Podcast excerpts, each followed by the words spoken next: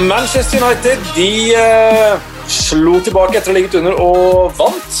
Men det var første gangen de har gjort det hjemme denne sesongen. Eh, nytt Jesse Lingard-show i går kveld. En brennhet Jota på Emirates mot et daft Arsenal. Nå er Manchester City 11 poeng unna tittelen. Callum Robinson er vel kanskje den beste spilleren i Premier League, hvis du spør Thiago Silva. Uh, og så var det en historisk dag i IFL, i uh, League 2. Det kommer vi tilbake til. Som passe innledning, eller? Du får godkjent for det. Ja. ja. Og du hadde ikke manus. La lytterne få Det må presiseres. ja, ja. Kasper og Erik, eh, påske er over, landsdagsoppholdet er over, og vi er klare til å prate litt eh, Premier League igjen. Det blir fint. Ja. altså. Vi sitter i samme rom, vi må jo presidere. Vi sitter jo litt her og der, så noen eh, pinlige pauser kommer det nok til å bli. Men eh, Kasper, la oss være enige om at det var fint. Ja. Deilig. Og jeg skal da prøve å stille så mange lukka spørsmål som mulig, så dere kan få så mange enstavelsessvar som mulig også. det er bra. Ja. Eh, jeg, var, jeg litt usikker på hvor vi skulle begynne denne runden, her, så da tenkte jeg da begynner vi heller med det aller siste som skjedde. For det var en ordentlig morsom fotballkamp i går kveld eh, på Molyneux. Wolverhampton 2, Westham 3. Jesse Lingard, Farnals og Bowen med skåringer for Westham. Da var det 3-0 etter 38 minutter. Den Donker og Silva med reduseringer. Men dette betyr altså at Westham, med under ti kamper igjen å spille Det er vel åtte eller sju nå, er det, ikke sant? Der kan du se. Eh, så er de på fjerdeplass! Ja, det er sykt. Ja, det er faktisk smått sykt, altså. Det, og han, David Moyes har jo uh, fått mye kritikk, uh, så vi må jo kompensere bitte litt nå, da. Med å hylle noe voldsomt. Og det er klart, Vi har jo lett for å bare skryte av de som vinner og skjelle ut de som taper, men nå har det gått ganske lang tid hvor de har prestert på et veldig høyt nivå. Og eh, Det er jo artige kamper òg, da. Det er jo mye mål. og mm. ja, Det er gøy å se på, faktisk. Men hva hadde du tenkt som spiller hvis du skulte bort på David Moyes? Du har, du har gått fra 3-0 til 3-2 og David Moore står og prater med seg selv på sidelinja mens han rister på hodet. Han hadde null tro på at de skulle holde unna til, til seier i den matchen her. De har jo hatt noen sånne her mot Arsenal der de eh, eh, Og så hadde de mot Tottenham som var omvendt. Så de har jo hatt noen voldsomme sånne pendelgreier på slutten av kampene her. Hva med altså, uh, Moyes sa, sa, vel etterpå Nå hører jeg at ekspertene snakker om at Westham kan ta Champions League-plass. Um, ja, tror, uh, tror, dere at de klarer det? Jeg tror ikke, men uh, er, de har definitivt muligheten. Og, og det har vært inne på podkasten her før. Hver sommer så har man sittet og sagt liksom, nå er det Westham, og Westham har godt lag og gode kjøp og bla, bla, bla. Og så er det i nedrykksstrid. Så uh, denne gangen så var det bare å holde seg unna og se hva som skjer. Da, da har de blitt fantastisk uh, gode. Men ja, det, det er at Chelsea plutselig kan tape og slippe fem mål på hjemmebane, og sånt, og det er det som kanskje åpner for Westham at de faktisk har en mulighet. da. Det er jo en av de kampene som gjenstår. Westham har ikke et avskrekkende program, men de har Chelsea igjen, bl.a., blant annet, som kan bli direkte avgjørende. og jeg, jeg tror jo fortsatt ikke at Westham kommer til å greie det. Jeg tror det er andre lag som, eh, som er bedre. Liverpool, hvis de greier å få toget på skinnene nå som det virker. Og, og, og den Chelsea-kampen var bare en sånn totalt av skalaen-match, tenker jeg, som ikke er representativ av, av, hva Chelsea egentlig står for. Men, eh, eh, så jeg, jeg, tror ikke Western greier det, men jeg skal pike hylle dem hvis de gjør det. For en av mine favorittstats er jo at på de eh, 29 siste sesongene i øverste divisjon, så har Westham hatt positiv målforskjell én gang. er det sant? Det er sant. det er dårlig! Nå, nå har de, de har 11 plussmål å gå på nå, så nå bør de klare Nå bør de greie det. Og det var under Bilic faktisk for eh, uh, fire-fem sesonger siden, er det kanskje? Eller tre-fire, litt usikker. Men, uh, men uh, ja Jeg vet da søren, men, men det, det, den, han, Westham var et så sabla porøst lag. da. Eh, med Noble sentralt på midten der, og, som er en strålende fyr og en herlig klubbspiller på mange måter, men det var ikke godt nok. Men det har de bygd mye mer stål, føler jeg. Socek og, og Declan Rice der er gode, altså. De men Rice er kanskje ute for sesongen nå, da? Ja, det kan bety veldig mye. Men et spørsmål til dere gutter. Ekstremt mye hylling av Declan Rice, men hvem er best av Socek og Rice? Jeg føler det er litt sånn britisk greie, da. At Rice skal på landslaget og alle er interessert i han, men Socek har jo en absurd sesong. Han springer mest i Premier League, han skårer sinnssykt mye mål. Altså Ja, ja. ja. Socek har hatt en fantastisk sesong, jeg er ikke i tvil om det. Så har de litt ulike roller og sånt, men de utfyller ja. hverandre jo fantastisk godt. Det er jo kanskje det ja. som er, har vært eh, hemmeligheten nå, da. Uh, og Rice har jo gitt Socek muligheten til å ta alle disse løpene inn i boks. og han er i hvert fall topp en tre. mulighet til å ta løpet i boks. og så er han topp tre kanskje hodespillere i, uh, i ligaen nå, Solsjekk. Topp én? Hvem er bedre? Cavert Lewin, kanskje. Van Dijk, kanskje. Jeg mener Solsjekk er klart best, men jeg syns Declan Rice er bedre. Kort Zuma? Nei, nei. nei, nei, nei, nei, nei, nei, nei, nei, nei Har du sett på høyden nå? Ja. Men eh, jeg har kommentert Westham-Chelsea noen ganger, spesielt på gamle Bowling Ground. og spesielt en gang Westham vant 3-1, Carlton Coles store kveld. Og det er jo ikke, nå er det som du var inne på, det er snaut tre uker til Westham-Chelsea. Og Westham hater Chelsea. altså Det får du høre hver gang du sitter i en taxi i London. For det er ofte Tottenham eller Westham taxisjåfører. Og de hater Chelsea! Og tenk deg den matchen med fans nå. En ren nesten sånn halvfinale, tidlig finale og topp fire. Og Westham Chelsea og 60 000 tilskuere. Hva slags match det kunne vært. Det er nesten bare for vondt i sjela å tenke på at det skal gå for tomme tribuner. Ja, det er det jo. Er det 15. mai vi håper at det skal være 15.-16. mai håper vi skal være supportere tilbake? To siste rundene, tror jeg. Er det ikke det som er Ja, og så er det bekreftet at Liacupfinalen blir testevent med, med publikum. Men hvor mange snakker vi om? Var det åtte, eller? Åtte eller ti, eller noe, ja. ja. Det hjelper. Og, da, da, altså, hvis Tottenham ikke greier å selge sin andel av billettene, så sier de om hva ja, Da, da, da er misnøyen toppa seg. Vi tar, eh, tar, noen få ord om, eh, om Jesse Lingard. Vi har snakket mye om han selvfølgelig de siste ukene, men uh, den kampen i går også det Målet hans står ikke så veldig mye tilbake for det som ble sesongens mål forrige, forrige sesong. Da tenker jeg på Hyung-Min Son. Jeg vet ikke hvordan dere legger han her på dribleraid fra egen balladerskalaen? Jeg føler jo den Hong Min Son gikk forbi mange flere spillere og starta lenger tilbake i, i, på banen. Han startet jo på egen 16-meter omtrent. Så det er et fantastisk uh, Lingard-mål, men, men uh, sånn er et takk over, tenker jeg.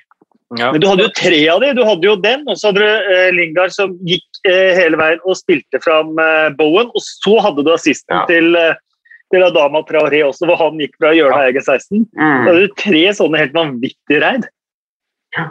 Når jeg ser Lingard, så tenker jeg bare Du må ikke tilbake til Man United! Du må ikke gjøre det! Og nå blir det sånn Å, se hvor bra han er, og så kult. Og så, nei, vet du hva, jeg tror det er bra at han rett og slett spiller i en annen klubb. Jeg tror det er så for mye negativitet forbundet med han hos fansen. og Jeg tror ikke de kommer til omtrent gi han en fair sjanse igjen. Altså. Så, eh, og det, og, se hvordan han, det, Snakk om fotballglede, da! Snakk om en fyr som ser ut som han koser seg med å spille fotball. Enormt. Men så er spørsmålet skal vi kalle han da Messi Lingard, eller skal vi kalle han eh, Lionel Jesse? Den der føler jeg meg aldri har landa ordentlig. Jeg går for nummer én. Ja. Messi Lingard? Ja, eller Lionel Jesse? Ja, nei, ja. Jeg veit ikke, jeg. Jeg vet ikke om jeg er så glad i den der i det hele tatt. Jeg. Jo, jo, jo, jo. Nei, jeg, jeg, jeg, er ikke det. Han hadde en vanvittig match på Wickworth Road, Watford, Manchester United en gang. hvor jeg var der. Da var det Messi Lingard. Ja. Det, den er god. goat, tenker jeg. Ja, ja goat kan være greit. Det er tema pukki, for pukki betyr faktisk geit på finsk. Da trekker vi av Norwich der. Og så uh, vi tar Wolverhampton. De har hatt en uh, tung sesong, og det ser ut til altså, de er hvis man snakker om at eh, Palace akkurat har liksom klart å holde seg eh, med sine 38 poeng, så Wolverhampton har jo 35 poeng. Det er bare 11 poeng ned. Det skal mye til for at de roter seg ned helt nedi der, men uh, det ser ut til å bare ebbe ut i sånn 13.-14.-plass for dem. Uh, kan du nevne Jonny da, Espen? Ja, vi skal nevne Jonny. Nå må ja, du ikke forgripe Hva heter det? Hva heter det? Forgripe Nei. Begivenhetenes ja. gang. Begivenhetenes gang, ja. Uh, Nimo, du nevner han, så får du si hvorfor du vil nevne han da. Nei, Nå fikk han en ny kneskade. Har vært ute siden august, spilt et par kamper, og så nå har han vel gode ni måneder igjen før han er tilbake med en ny sånn ACL-variant i kne, så vidt jeg forsto. Men var det samme kne, eller var det det andre? Nei, det var det jeg prøvde også å finne ut av, da, men det, det, så jeg ikke. Det sto bare kne, det, det jeg leste. For det er jo det er litt typisk om det er Ja, jeg vet ikke. Det, det er, kneskade kan du bedre. Jeg tror det er det samme kne. Ja. Den er tung. Den er, den er sabla mm. tung altså, å få den i trynet nå. Vi hadde jo en, eh, en match her der vi hadde to uh, sånne korsbåndsreturnerte uh, mot hverandre langs sida der. Så du sitter jo og holder pusten bitte litt på at dette her skal gå, gå bra. Men nei, det er en sabla tung. Og så ser vi jo at William HC da, så han har vel omtrent like tungt, han òg. Mm. selv om han ikke har korsbåndskade, så har han i hvert fall måltørke. Og den, den kjenner nok tyngende eh, mer og mer for hver eneste kamp. Men eh, Fabio Silvia fikk jo skåra et fint mål, da. Han gjorde det. det er ikke hverdagen. Nei. Men han har skåra tre mål mer enn William José, så kanskje han burde starte neste kamp. For han, han, har ikke tatt Premier League med storm, den godeste brasilianeren. Og der er kanskje litt... Bare en liten Jeg så at uh, Mexico vil ha med Raúl Jiménez i Olympiaden i sommer. Ja, det vil ikke Wolverhampton. Altså, Nei, han er ikke så kine, ikke fullt så kine på å slippe han ned, da. Så eh, ja, får se hvordan det utvikler seg. Eh, men eh, jeg forstår jo at en spiller har lyst til å være med i OL. Jeg tror det er mange som syns det er stas å få representere landet sitt, til og med i en litt sånn off-fotballturnering som jo OL er. Men det å få være med i et sånt stort idrettsarrangement som det der, er jo noe som du husker resten av livet ditt. Tror du uh, José Mourinho kommer til å huske sin uh, seneste tur til uh, Tyneside resten av livet, Erik? Nei, det går vel bare i curry med alle de hundre andre matchene han har vært med på. Så, men det var jo igjen en kasta vekk tre poeng, og så var det igjen en, et intervju etterpå. Så han starter vel med å si at han egentlig ikke vil si noen ting. Før han bare lange løs. Eh, og dette er jo hos en Emrin for å ta i bruk sånne virkemidler som å kritisere um, spillere og se at folk ikke er gode nok osv. Men uh, det er ikke mange som gjør det.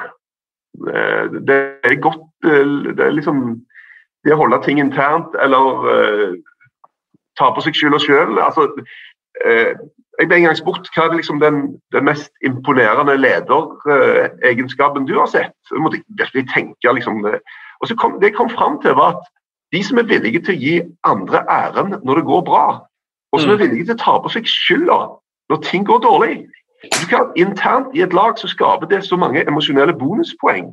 For hvis det går eh, Når han tar et steg tilbake og sier 'dæven, for en jobb av spillerne', eller hvis ting går galt og du sier at beklager, eh, jeg må være med og ta skylda her, jeg, eh, dette ble ikke riktig, jeg satte det opp feil eller et eller annet.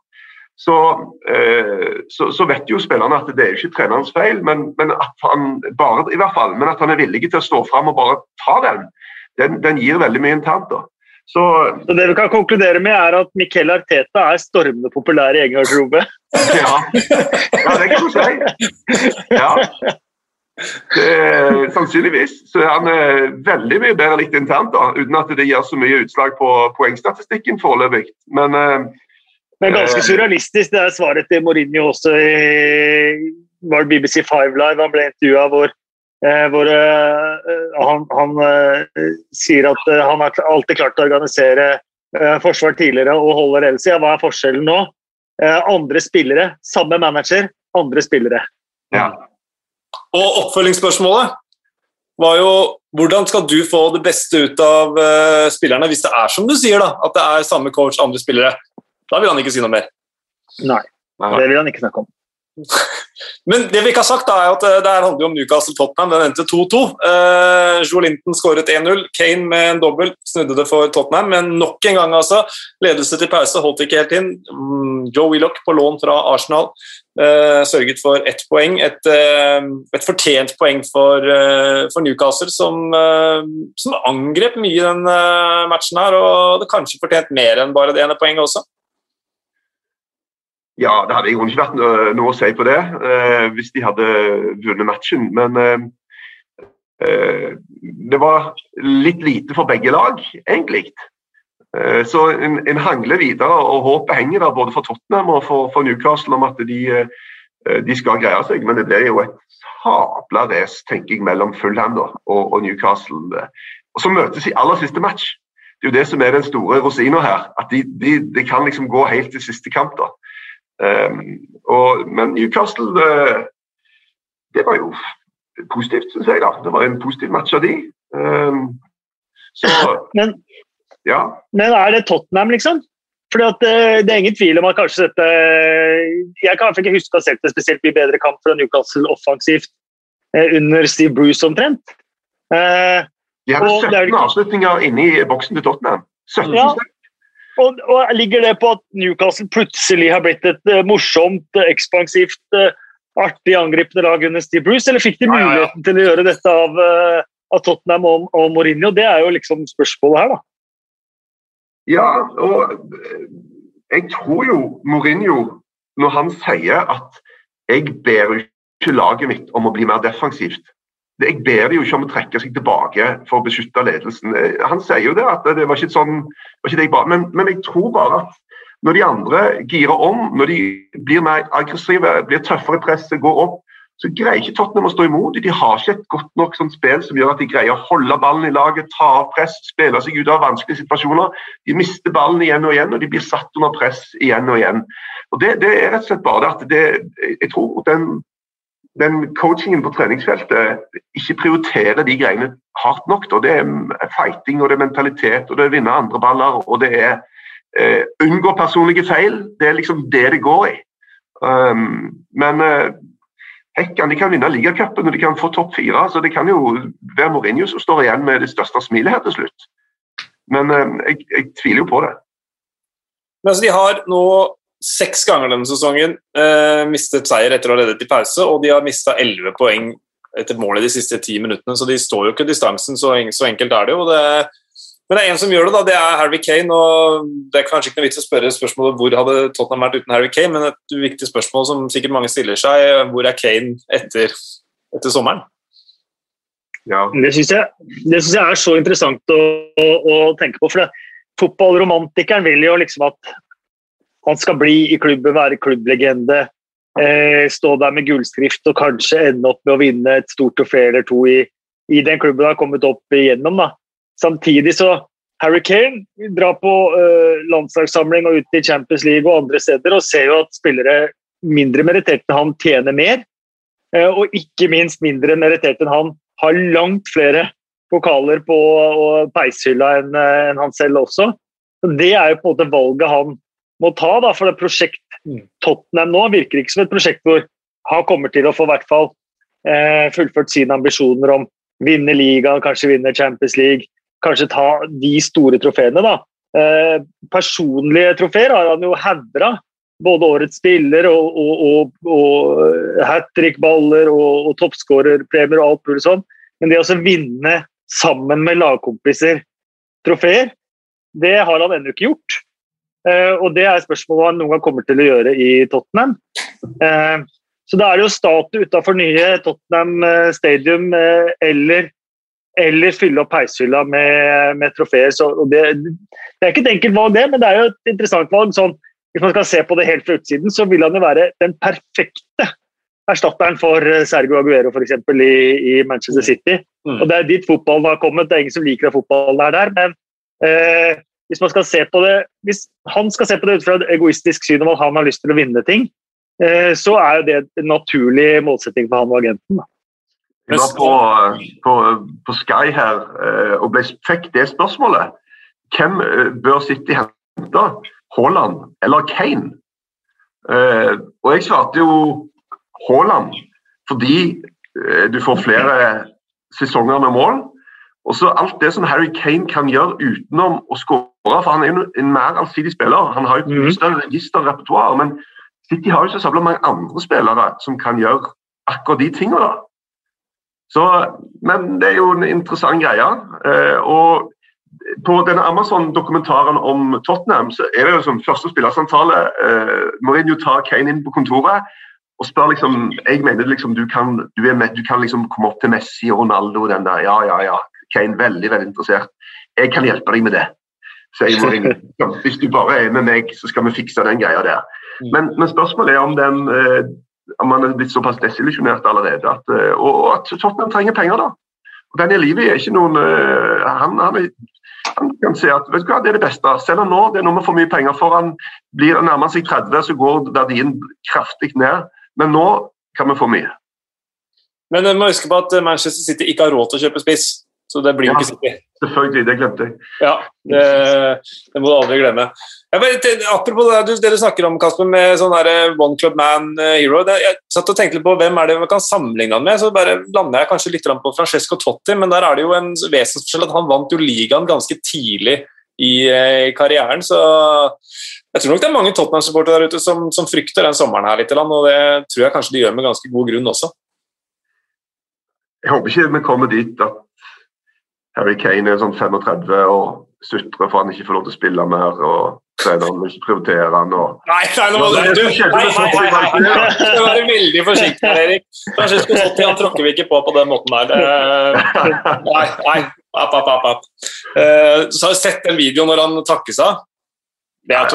Nei, det må du, det må du, det må du gjøre etterpå, Erik. Eh, Bare et lite ord om Joe Linton eh, til slutt. Han har skåra fire Premier League-mål.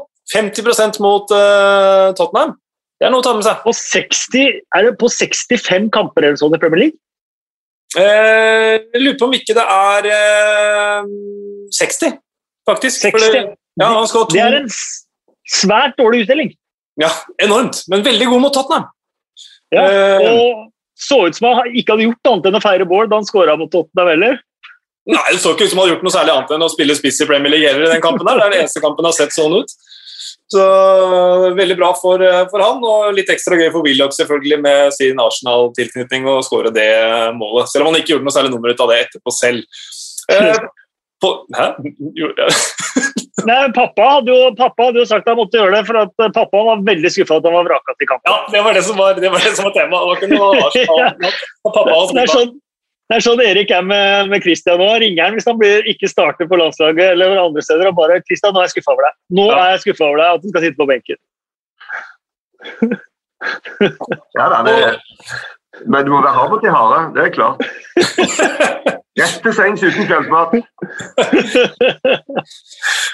Eh, På King Power Stadium hadde vi det som var eh, toppoppgjøret. Nummer én mot nummer tre, Leicester mot Manchester City. Det gikk som det holdt si måtte gå, sånn som City ser ut nå. 2-0 til gjestene. Benjamin Mendy og Gabriel Jesus, selvfølgelig i påsken, eh, med skåringene.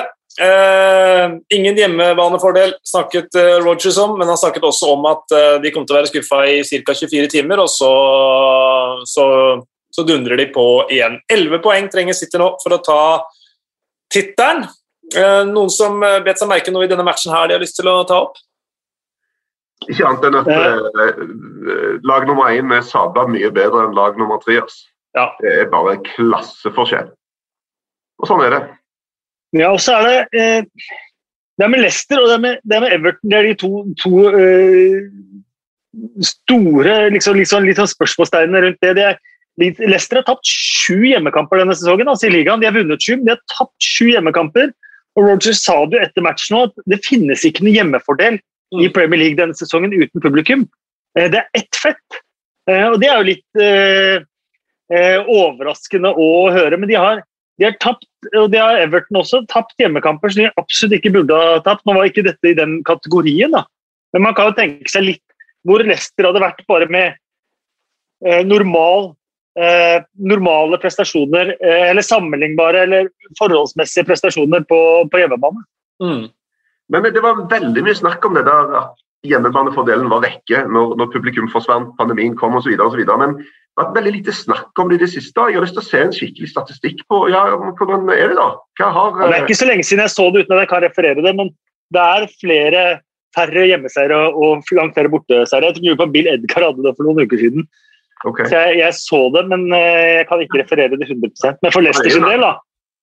Sju Ja. hjemmetap og ett bortetap. Mm. Ja, og det, det tenker Jeg Jeg har sett eh, hjemmelag spille så ræva dårlige fotballkamper, så jeg tenker det hadde de ikke fått lov til hvis hjemmepublikum hadde vært til stede. Altså De hadde ikke fått lov til å synke Mm. på et så lavt nivå. Mm. Hvis du hadde hatt folk der som på en måte var rasende på deg hvis du ikke greide å, å, å få ting til noenlunde, i hvert fall. Altså Du hadde opp, fått opp innsatsen, intensiteten. Så, så det, klart det har noe å si. og det, jeg, jeg tror spillerne også må glede seg så enormt. da, for at Opplevelsen for de òg er jo noe helt annet når de har publikum. Altså, Jeg må nesten si at jeg, eh, jeg må nesten hylle dem for at de har greid å prestere så bra som de faktisk har gjort. For det, Mm. fotballen er jo bra, jeg kan ikke se noen sånn kvalitetsforskjell sånn sett. Eh, Men, men omgivelsene gir jo ekstremt mye mindre energi til, til spillerne. Og så er det kanskje, kanskje faktor med VAR også, at dømmingen kanskje eh, går mer 50-50 enn der den kanskje ofte er 60-40 hjemmelaget når det er, Mm, når det er fans òg. ja. Eh, ellers så så jeg, bare apropos det, så så jeg Preston Norwich på, på fredag, og der fikk jeg inntrykk av at eh, den fake publikumslyden kom ut av PA-anlegget på stadion. Ja. Ja, Det har vi ikke sett i Premier League ennå. Nei, jeg tror ikke det. Det er jo uh, min favoritt uh, PA-hendelse denne sesongen. Det var jo etter at Brighton hadde spilt en hjemmekamp. Og spillerne går av eh, banen uten publikum. Men over uh, lydanlegget så minnes de om uh, når neste hjemmekamp er. Ja. ja, de har jo vunnet De vant én hjemmekamp i 2020 og har vunnet to hjemmekamper i 2021. Det er ikke rart spillerne må ha påminnelser om det. Mitt sånn favorittøyeblikk der kom eh, Jeg hadde kommentert Danmark-Moldova 8-0. Og da, halvtime ut i hver omgang, så sa spiker eh, bare minne alle supportere på at det ikke er lov å stå under kampen. Det kan, om det var, om det var Uefa-protokoll som måtte følges, eller om det var litt eh, humor fra spikeren, det vet jeg ikke. Jeg håper på det siste, for jeg lo i hvert fall. Men Eh, eh, er Danmark så gode nå som de vil ha det til, eller?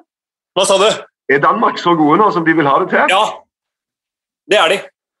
De er akkurat så gode som de skal ha det til. Jeg mener de er en klink outsider til å vinne EM.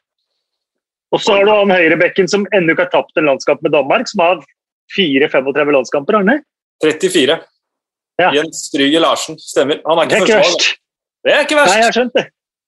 Det er ikke verst i det hele tatt. Eh, Ja, vi, det, da drifta vi av gårde fra King Power via Ja. Herning. og Jeg hadde nesten lyst til en tur til Armenia òg, for der var det supportere på tribunen. Men vi kan ta og spare det til en annen gang.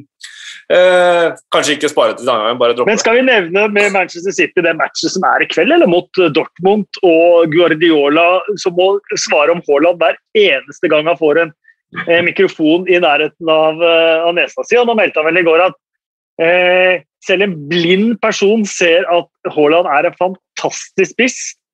Men han trodde ikke heller kanskje at Manchester City har 100 millioner til å bruke på en, på en spiller. Men dette er jo i ferd med å bli en sånn saga. Og det siste nå fikk jeg link på Twitter av, av, av en som mener at eh, Sander Berge blir kobla til, til Manchester City.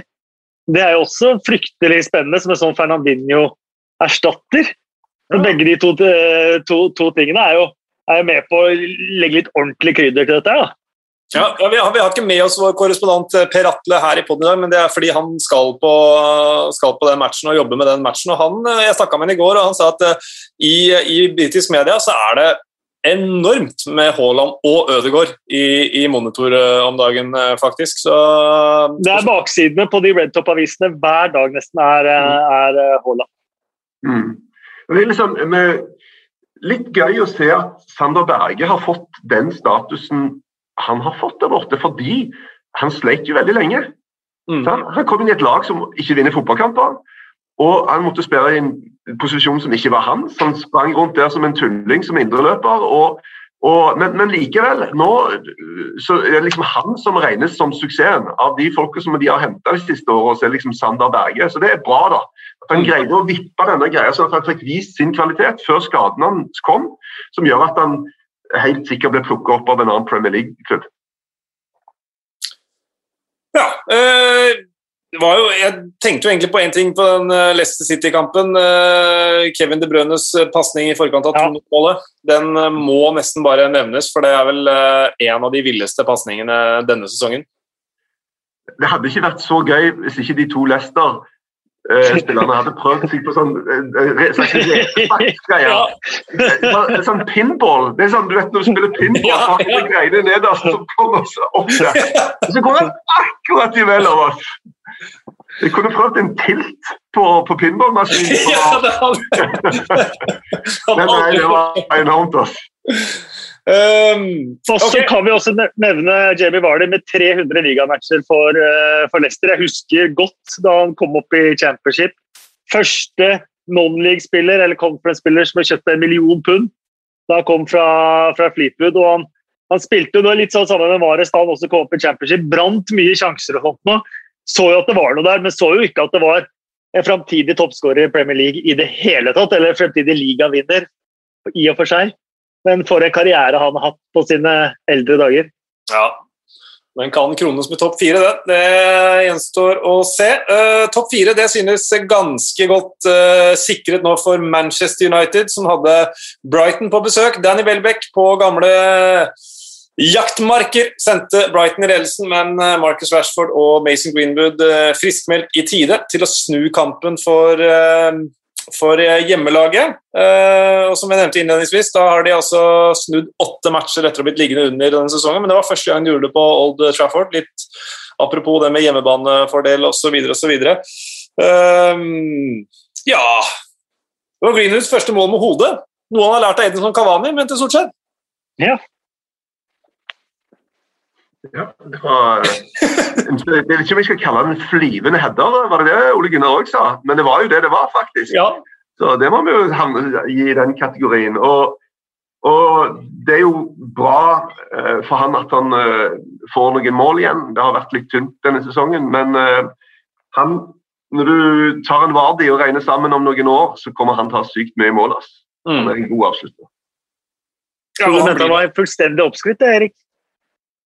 Nei, ikke oppskrift. Det var bare at jeg sa at det sånn som man holdt på forrige sesong, det kommer ikke til å fortsette. Og det, det snodde jeg. Det, der fikk jeg jo i hvert fall rett. Ja, Noen ganger har røra og bomma totalt, men akkurat på den, den, den var jo bankers. Det var jo umulig å fortsette på den måten der. Og Det kan jo bli helt avgjørende for Manchester United at han finner fram til den der eh, sommerformen 2020 nå, for at, uh, for at de skal klare ja, Europaligaen og en god sesongavslutning. For uh, Edinson Cavani han ser litt sånn tja, til tider nesten uinteressert ut, syns jeg. I den, uh, han for å bli ferdig, tror jeg. Mm. Det er jo tydelig han kommer til å reise ned til Sør-Amerika igjen. Og, og, det var litt sånn interessant, Vi hadde jo en engelsk journalist. og, og han nevnte òg denne eh, rasismegreia som hadde vært. Og, og jeg vet òg at den for Bernardo Silva, som jo var oppe i en lignende greie for City, hvordan det har, det har prega de veldig. da. Det å få det stempelet, mm. det er tungt ass. som menneske å få den. Så eh, det er nok med å gjøre at Kavani eh, er forbanna vil bare legge det hele greia bak seg og, og, og dra. Um, men det er litt synd, da, for at på sitt beste så er han enormt god, men sånn som han var nå, så var det det var, eh, det var ikke mye energi. altså. Ja, jeg tenkte bare skulle si at det, det er jo et eksempel på liksom Solskjær skryter, skryter av man managementen til Solskjær og det å trekke fram Kavani i det postmatch-intervjuet, det er, kan jo virke som en helt sånn, bevisst handling, for meg i hvert fall. da, at det Å gi han litt positiv feedback selv om han hadde en dårlig match. Mm. Ja, det er ofte bedre å stryke litt på kinnet av og til enn å uh, svinge pisken. Der er Solskjær god. Eh, bør Greenwood til EM? Ja, ja, jeg syns det. Den offensive gjengen til England er jo helt syke. Altså, det er mange som skal vrakes der. Alle som tar ut en tropp nå, klarer ikke å begrense seg til under 35 mann her. så det... Nei. Nei, det må jeg si. altså. Den, uh... Ellers så var det jo uh må si det da, Trent Alexander Arnold og Klopp var jo veldig på hogget. og han fikk jo, eh, vi kommer gjerne tilbake det, men han fikk jo innlegget sitt og assisten og sånne ting. Men, men eh, jeg tror vi har pratet om det før denne podkasten her, at det, eh, vi, må, vi, liksom, vi må forstå at England og Det, det, altså det er en klubb. Altså det, hvis du, altså, det er mye viktigere det som skjer internt for England, enn det som skjer på klubblaget. Mm. Hvis, du, hvis, du, som landslagstrener har en Trent på banen i første omgang og spiller dårlig, du bytter han ut til pause og kommer inn på en i andre omgang som spiller mye bedre, så betyr det mer for deg enn hvordan Trent spiller mot Southampton i neste PL-match. Ja? Mm. Og de greiene der og så, greier ikke helt å ta inn over oss. Og så er han dritgod. Uh, det er ikke det, men, men de spiller jo også med tre bak og, og wingbacker nå. Det er jo folk i England som er mye mer vant til å spille wingback enn det Trent Alexander Arnold er. Ja? Så, så det er masse oppi den gryta der. Ja, men samtidig så har Southgate også vært flink til å ta ut formspillere. og er jo, Jeg kan ikke være en landslagssjef i verden som ser mer livefotball enn Southgate. Han er på match hver eneste runde det er, eh, det er kamper. sånn skal sammenligne med Norges kvinnelandslagstrener Sjøgren, som sa han ikke hadde vært på kamp på et år. eller noe sånt, men han fikk, fikk med seg likevel det meste. Så er Southgate liksom rake motsetningen av, av det. da. Og, og jeg, Husker hvem som begynte med det? der? Det var Svennis. Når Svennis kom, så begynte han Han var på alle kamper. og Det var en enorm sånn wow. Og Det fikk han veldig mye kred for. da. Det er en god ting. da. Det viser at du er på hogget og at du bryr deg, og ikke bare sitter hjemme og, og med fjernkontroll. Det er en, en veldig bra greie eller Drillo da han skulle se på Tore André Flo på Stanford Bridge og ble nekta adgang fordi han ikke hadde slips. han fikk låne slips av vakta, og han kom inn allikevel. uh, ja, det, et par ting om den matchen der. Håkon Fjelstad spør på Twitter uh, hvorfor uh, er situasjonen hvor Maguire feller Welbeck annerledes enn når David Louis feller William José tidligere i sesongen? Skulle ikke også Maguire fått rødt kort og straffe imot? Godt spørsmål. I hvert fall få straffe imot. Selv om ikke du fant noe smoking gun der, Erik, ja. så syns jeg den ser veldig det ser veldig ut som straffespark, og jeg tror Graham Potter har helt rett. at mm. Blir det dømt straffespark, så står VAR ved den avgjørelsen. Og ja. blir det ikke dømt straffespark, så er det vanskelig for VAR å ta den, fordi, akkurat som Erik forklarte i studio, at det er vanskelig å se helt den konkrete forseelsen. Men når man ser situasjonen, og man ser situasjonen også eh, i real time, så syns jeg det ser ut som en eh, straffespark. Ja, enig i det. Jeg tenker sånn, Sannsynligvis så dette straffe, men hvor er beviset? men du ser på ansiktsuttrykket til Welbeck, altså alt tyder på at her ja. sant? Pekefingeren til Maguire. Ja. ja. Sikreste tegnet på at her er det en forseelse. Ja, ja, ja, ja. Idet du ser den pekefingeren, så er det egentlig bare ja. blås. Ja, det er det. det, er det. Da er det å ta opp varetegnet. men, eh, men eh, det var jo en annen situasjon også.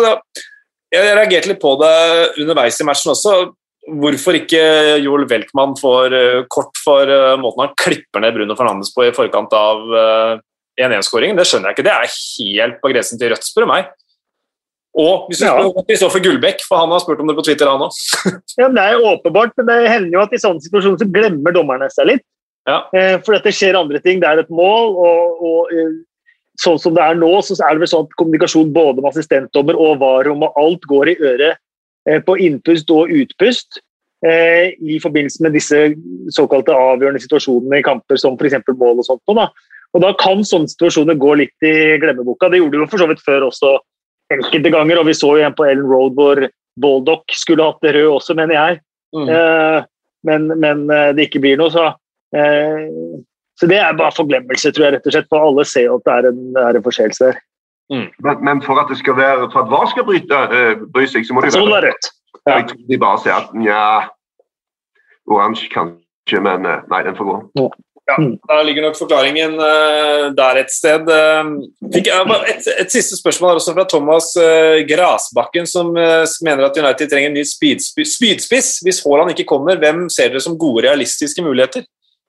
Altså Hvis du tenker på speedspiss det, det, er det, det, er det, jeg tenkte på. Da mener jeg helt åpenbart at det skal være det er hardt marked for speedbusser nå. Ja, det er enormt. Altså, det er så hett. Speedbuss, ikke sant, som går løpet innmari fort. Det... Ja.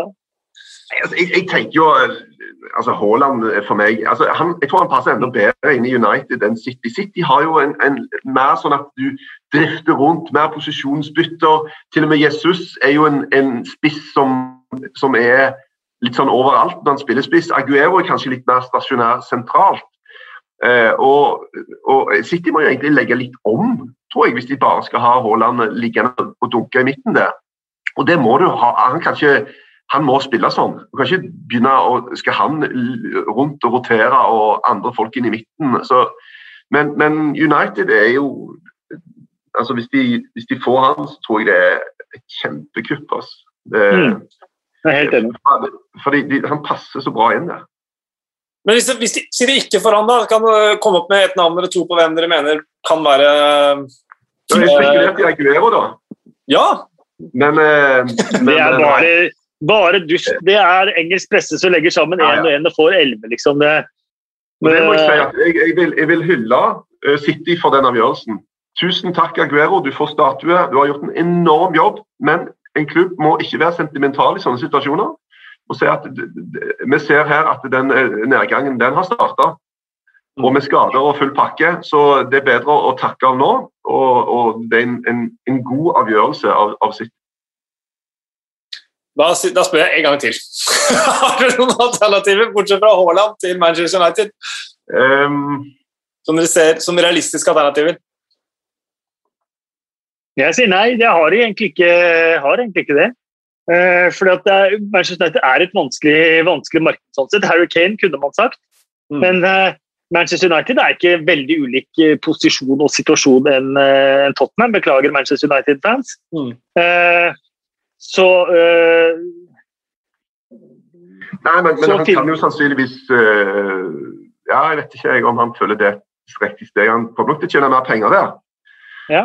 Og Hvis de får digea av uh, lønnsbudsjettet, så er det vel litt å ta av der. Men uh, er det, ikke, det, er ikke lett å si. altså Er det sånn Calvert Lewin? Kan mm. han være noe? Mm, litt usikker. De har, er liksom denne unge engelske greia, Rashford, Greenwood. Men jeg er litt usikker på om han er liksom den verdensklassespissen som de skal, skal satse på i fire år. liksom. Litt fra, fra sida sånn sett òg. Danny Ings. Eh, det var en grunn til at han ble kjøpt til Liverpool i sin tid. Eh, og det var skader som egentlig ødela eh, både hans tid og på mange måter hans framtid i Liverpool. Eh, han ble på en måte plutselig han som var langt ute på venstre benk. Og så har han vist i Southampton hvor vanvittig god han er. Så, så, så, litt sånn ut fra siden så, så skal du ikke se bort fra at det kan være et veldig godt alternativ. Selv om det ikke er så spennende, liksom. Det, det blir en stor skuffelse blant United-fansen hvis de kjøper den Ings. Sånn er det bare. Ja, det tror jeg også. Det, tror jeg også. det er akkurat det. og det, det kommer litt av det et rykte og Burnley og arbeidsom og engelsk og liksom alle de tingene der er jo med på å skape den skuffelsen. da. Mm. Hvis man skal gi Sam Allardyce et lite sånn poeng på Sam Alardici-varianten, så, så, høres kanskje han italienske spissen eh, kanskje Eh, mer spennende ut enn en Dan Ings. Men man skal ikke se bort fra at Dan Ings kunne vært et veldig godt alternativ eh, der. da. Så Andrea Belotti da, blir det da, fra Torino, kan de hete. Ja, han, Graziano Pelle er litt tilbake og skårer mål igjen, legger jeg merke til. sånn apropos tidligere. Så ja. ja, Du er inne på Allardyce. Da får vi ta turen til Stamford Bridge. Chelsea 2, West Bromwich 5. En uh, helt absurd, et helt absurd, absurd resultat. Uh, Chelsea og ledelsen. Pulisic Pereira ganger to, Robinson ganger to, Dianje for West Brom og Mason Mount skåret siste målet for Chelsea. Nå har altså Callum Robinson skåra fem Premier League-mål. Han skåra alle mot Chelsea. Ja, Det er sånne syke greier som eh, kastes opp av og til av eh, rett og slett tilfeldighetene som ville sånn. Men eh, det var jo jeg så, jeg så, ikke den komme oss i det hele tatt. Selv når det gikk ned til ti mann, så tenker jeg vet du hva, vi hadde jo en liten diskusjon på det. Er ti mann Chelsea bedre enn elleve mann West Brom? Eh, og Geir er jo at Chelsea har jo òg en god del sjanser. da. Mm. Det, er, det, er, jo Jeg skulle tro at de ble bare høvla av West Brom etter at de går ned til ti mann, men det er jo faktisk ikke tilfellet. Men West Brom skåret jo noen ekstremt fine mål. Altså. Og ikke, bare, eh, ikke bare sånn kjempetreff for 30 meter, men kollektive, dritlekre mål. Og det var litt kjørt. Og så er det jo en typisk Sam Allardyce-seier. Ja. Uh, han var den siste som vant på Anfield før den der enorme rekka på over 60 kamper ubeseiret. Um, han har vunnet på Stamford Bridge flere ganger før.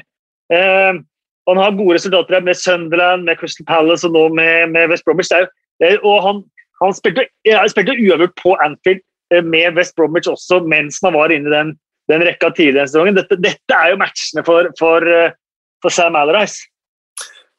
Så når han kom til intervju med telefonen sin og holdt på å le seg i hjel og sa vi blir ikke sist på i kveld, og det spiller jo på det der med match of the day, hvilken, ja. hvor du kommer på i rekkefølgen. ikke sant? Så han, han koste seg så innmari i det postmatch-intervjuet, så man kan si hva man vil om Allardyce, men akkurat det syns jeg var, eh, var morsomt.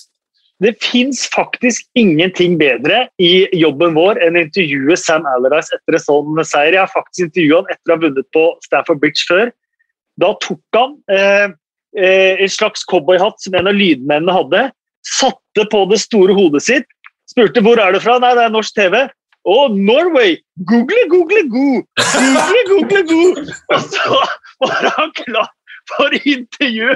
Så han, når han kommer inn etter sånne, så er det nesten så den 110 kilos kroppen eh, ligger letta eh, 40 cm over, over, bakken. Han er en helt fantastisk person etter, etter sånne seire.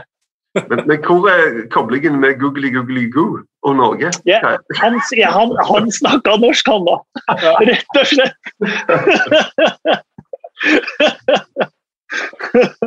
Kanskje det var det David Louis har sett før han så deg prate norsk også? i det der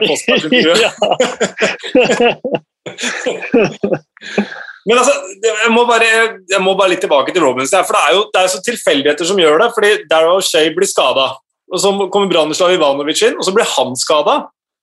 Og så må han gjøre enda et bytte, og da setter han inn Callum Robinson. Så var det liksom sånn et meant to be at han skulle komme inn. og Som du er inne på, Erik, altså alle målene til West Bromwich er egentlig helt fantastiske. Kanskje det beste er vel uh, Dianje, syns jeg, egentlig sånn kollektivt. Men, uh, men 1-0, eller den skåringen første til Robinson er også helt fantastisk.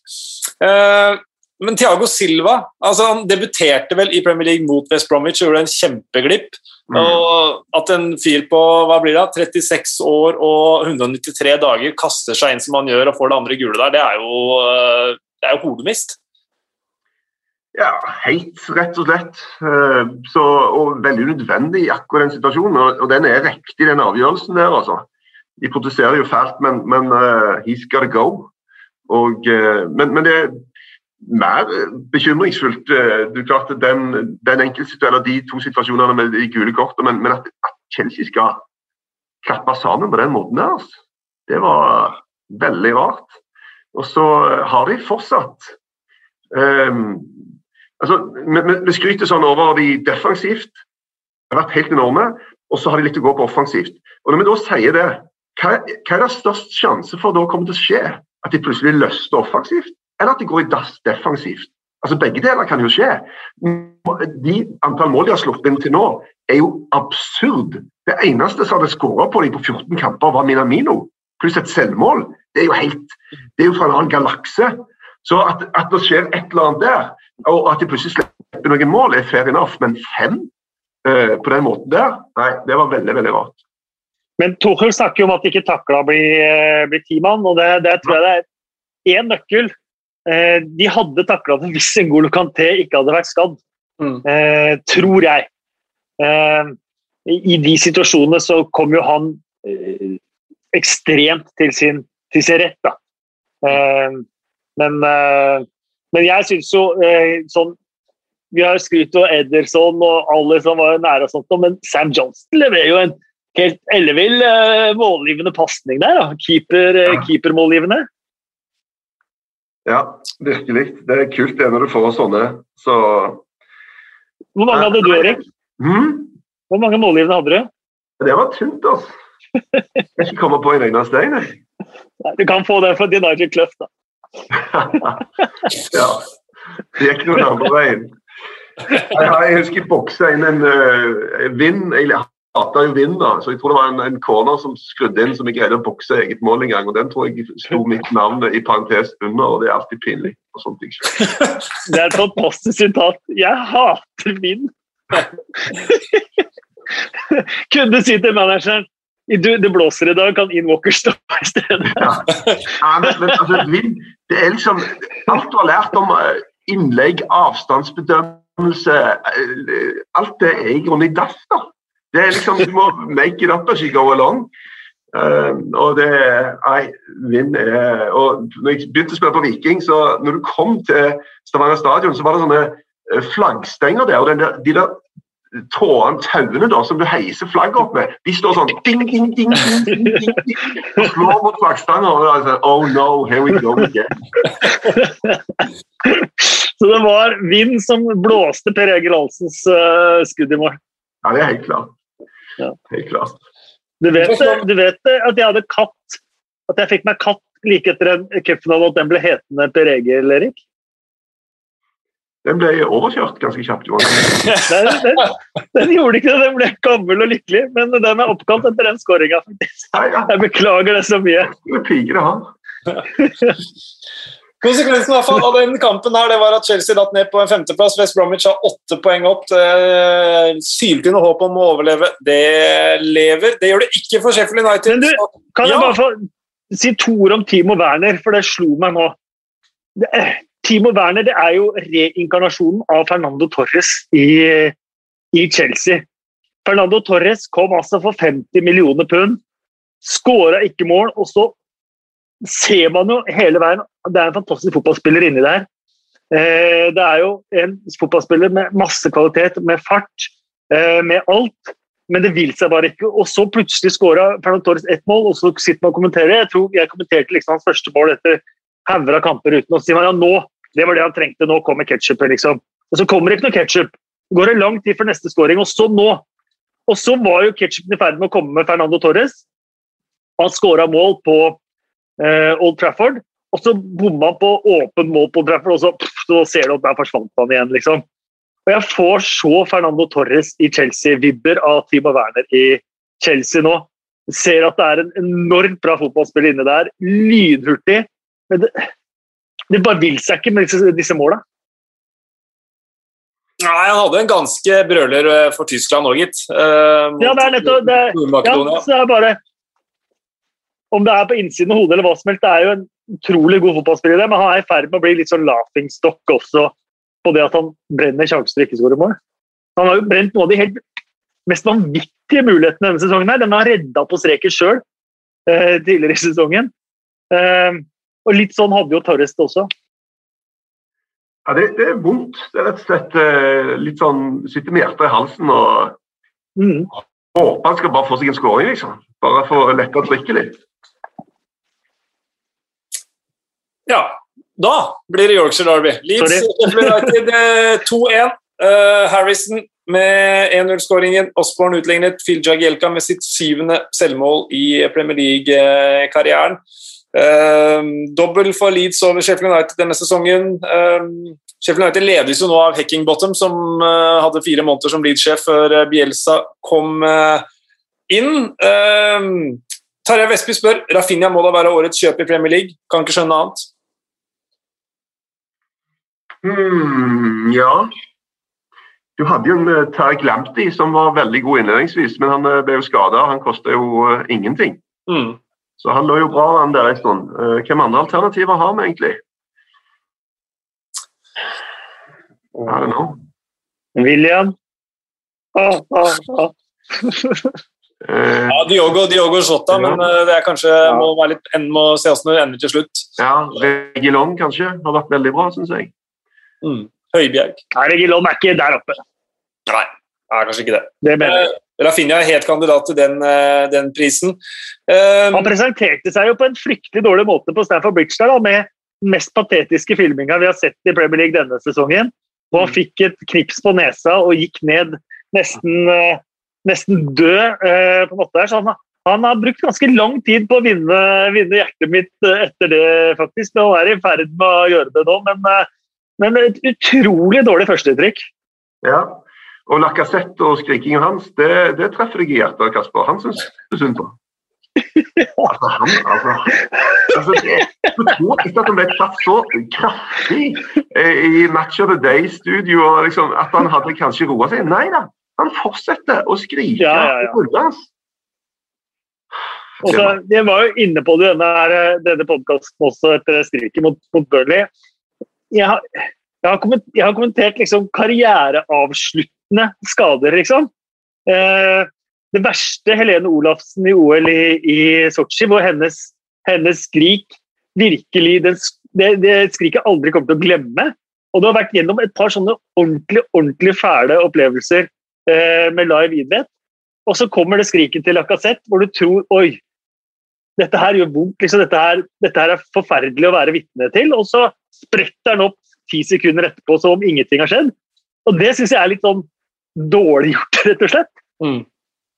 For Du har i løpet av de ti sekundene der eh, rukket å kommentere mye medfølelse og antyda karriereslutt, og at nå må vi, våre hjerter gå ut til deg, familien og full pakke. Mer følelse inni magen, hvor du, hvor du, hvor du blir lei deg og du får vondt av en person, og, ja. du, og du, blir ordentlig sånn bekymra for et annet menneske. da.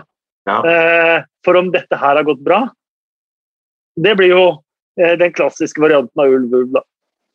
Det, det, gjør det definitivt. Uh, Leeds de, uh, er nå oppe på 11.-plass, 42 poeng. A-poeng med Arsenal. Sikter mot uh, topp 10 i comeback-sesongen sin. Sheffield United de rykker ned. Spørsmålet er bare når det blir bekrefta. På Hva blir det?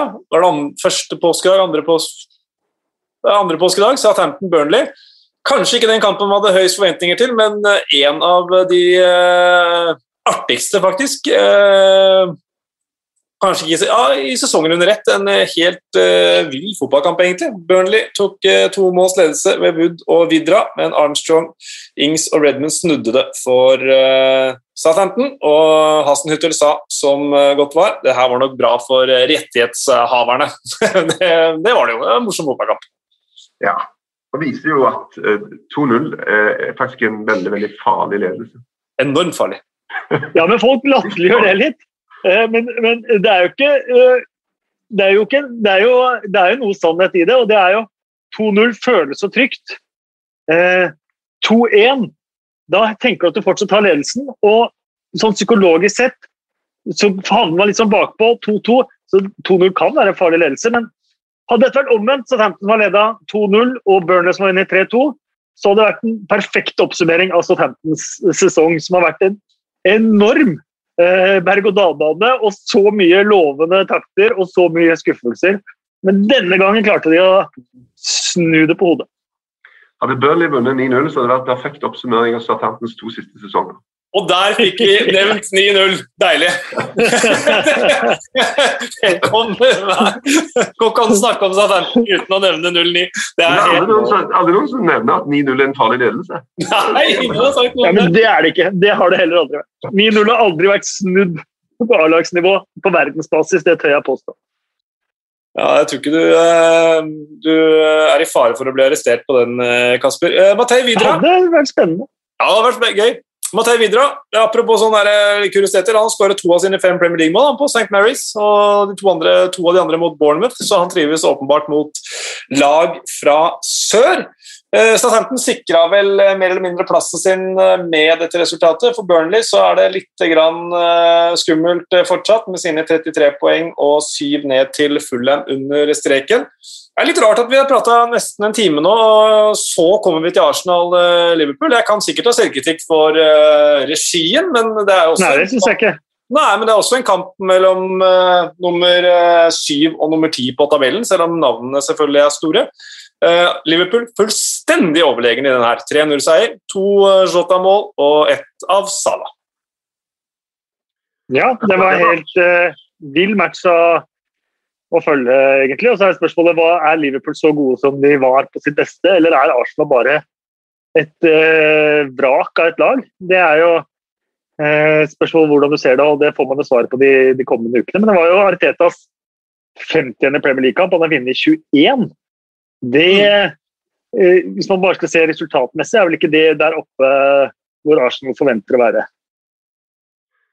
Nei, det blir jo en sånn uh, Det er mange som stiller spørsmål er bare, ser han bare ut som en kul fyr, sier de rette tingene og tar på seg skylda. Men eh, resultatene er jo ikke gode nok. Men så igjen, ja, denne tålmodigheten da, som alle snakker om. Skal vi bare drite i den, eller? Men, men, det er klart at hvis du kommer til slutten av neste sesong og det ikke vært noen forbedring, da, da ryker han. Det er helt klart. Men foreløpig tenker jeg at han må få en sjanse videre. men, men sånn som de har bare altså, PP, Aubameyang her, Martin Ødegaard kom jo ikke nærheten av å komme inn i matchen. Eh, forskjellen var så stor, mye mye større. Jeg tror det skulle bli en jevn kamp. Men det var altså en periode etter å ha rista de bitte litt eh, Liverpool, så tok de altså sånne grep som gjorde at de jeg tror vi telte ti minutter der Arsenal ikke var over på andre banehalvdel. Altså, de bare ble hamra. Altså.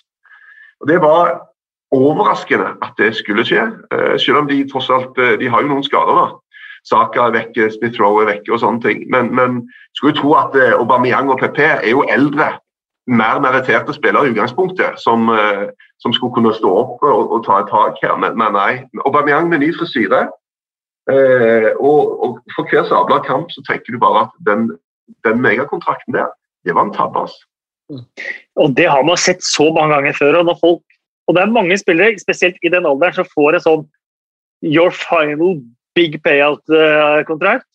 Og, og, så skjer det et eller annet. Man vet jo ikke hva, men det er spesielt å se Da Arsenal prøvde å presse høyt, så står kapteinen ute til venstre og står stille.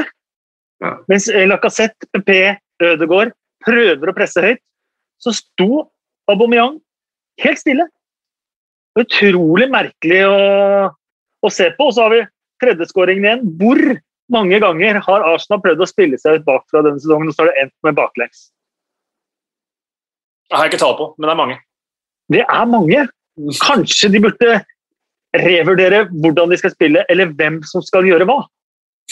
Jeg vet ikke. Vi var litt inne på beste hodespiller i Premier League tidligere. Jeg mente at det var Solsjek, men eh, den siste ukas beste hodespiller, ja. det må jo være Diogo Slotta. Altså, han skåra tre mål på huet for Portugal i landslagsoppholdet, og skåra her igjen på hodet. Og crossen til Trent er jo uh, forbilledlig, kan vi si. Men altså, Diogo Jotas uh, inntreden i Liverpool-laget her er uh, oppsiktsvekkende bra, vil jeg si. Ja, det blir spennende å se laguttaket nå mot, uh, mot Real Madrid. Altså.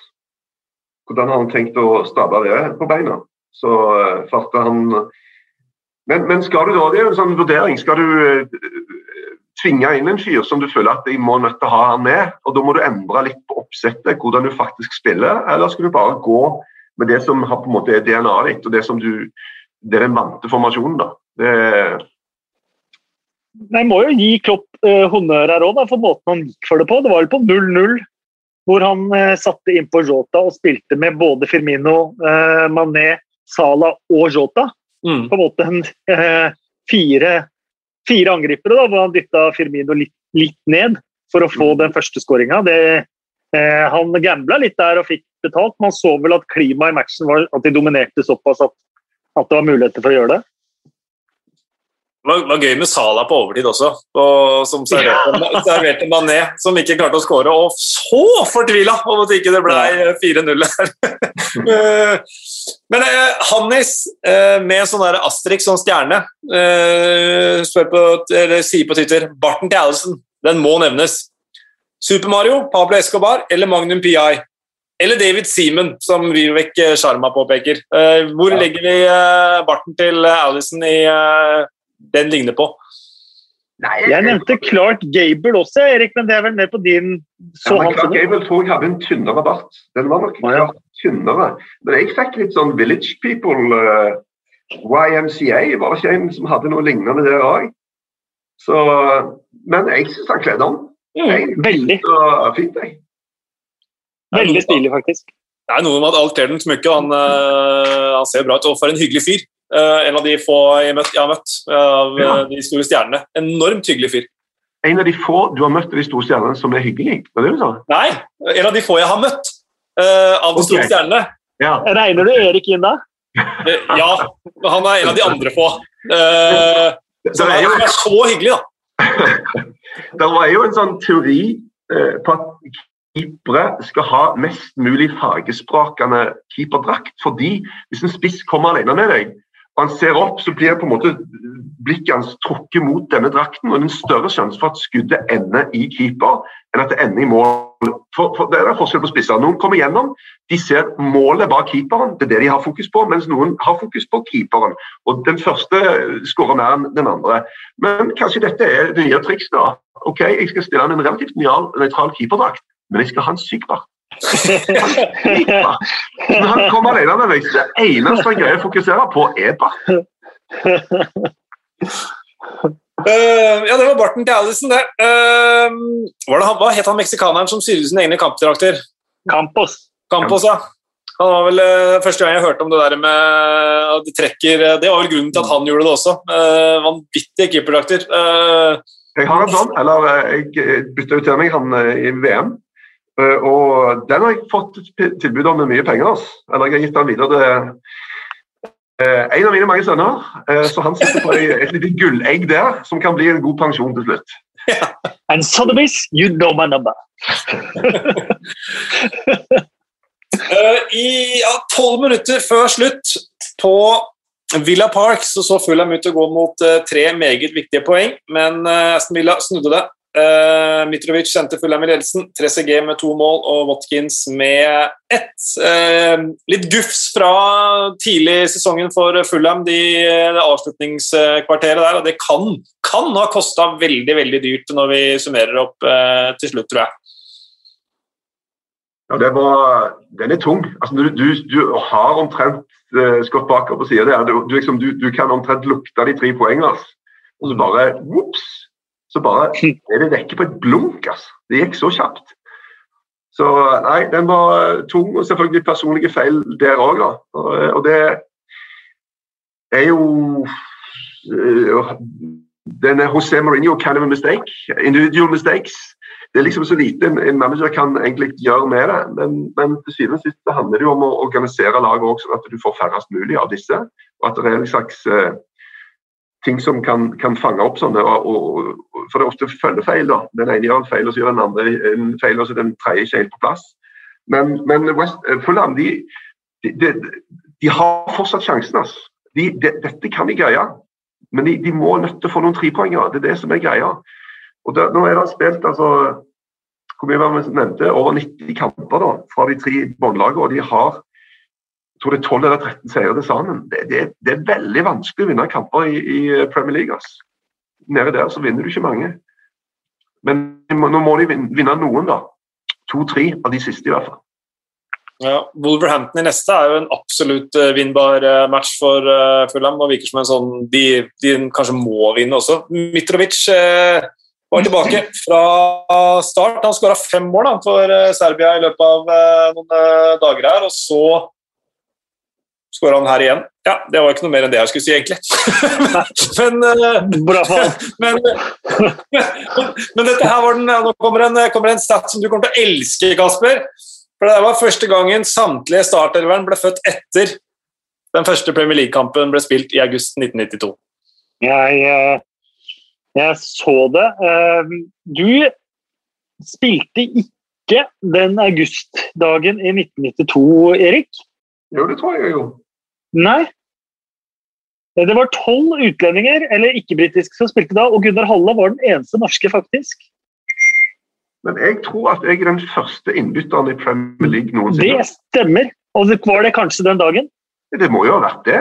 Det kan ikke ja, vært en hel serierunde uten at noen ble bytta inn. Hæ? Det kan jo ikke ha vært en hel serierunde uten at noen ble bytta inn. Nei, for, nei, det er sant, for du er den første innbytteren ja, jeg historien, tror jeg. Ja. Det, det, det, I løpet av denne sendingen skal jeg finne ut av det, men det stemmer kanskje. Men av de som starta, så var Gunnar Halle den første eneste nordmannen. Men eh, du kom innpå, ja. Husker du hvorfor du kom innpå? Nei, jeg har ingen minner om dette whatsoever. Det, jeg tror bare at, at manageren hadde, hadde gjort eh, et feil eh, uttak. Når han satt på benken, så tenkte han men dette kan ikke stemme. I all verden! Hvorfor er han der? Nei, du var innpå. Ja, det var det som skjedde. Ja. Men hvor gammel, var, eh, hvor gammel var Roy Hodgson når eh, Premier League eh, sparka i gang? Jeg tipper han var par og 70. ja, nesten. nesten. Nei, han var, han var 44 år. En godt voksen mann da også. Men Kasper, kan vi bare spørre den, den staten her som som Espen kommer med. Eh, er det sånn at du syns den er helt ræva? For du er en av de som liker å påpeke at det ble spilt fotball i England før Premier League. Uh, nei, jeg syns det er morsomt. Den er artig, for man husker jo man husker den eh, helga godt. Norwich snudde 0-2 til 4-2 på Hybrid da Mark Robins eh, debuterte. Um, jeg husker Drillo intervjuet Aftenposten dagen etter, for han var til stede der. Han sa at eh, hvis noen hadde sagt at når de skulle komme fra dette her med poeng, så hadde jeg eh, bedt dem å legge seg inn på sinnssykehus. Eh, så jeg husker den runden veldig godt. Men jeg kan fortelle at Tottenham sin første match i 1992, 15.8, var borte mot Southampton. 0-0. Da sto ikke du, Erik. Du sto derimot sesongens første hjemmekamp fire dager etterpå mot Coventry 0-2. Beklager. Men jeg kom ikke innpå heller mot Southampton. Det ser ikke sånn ut. Jeg beklager. Hva, hva slags uh, Nei, jeg vet da søren. Jeg, jeg, Du er kanskje den første keeperinnbytteren? kan, jeg, jeg, liksom, jeg tenkte at det er i hvert fall min claim to fame. da. At jeg kan komme inn som den første. Jeg har jo ikke det engang. Jeg har jo oi. Ikke en dritt.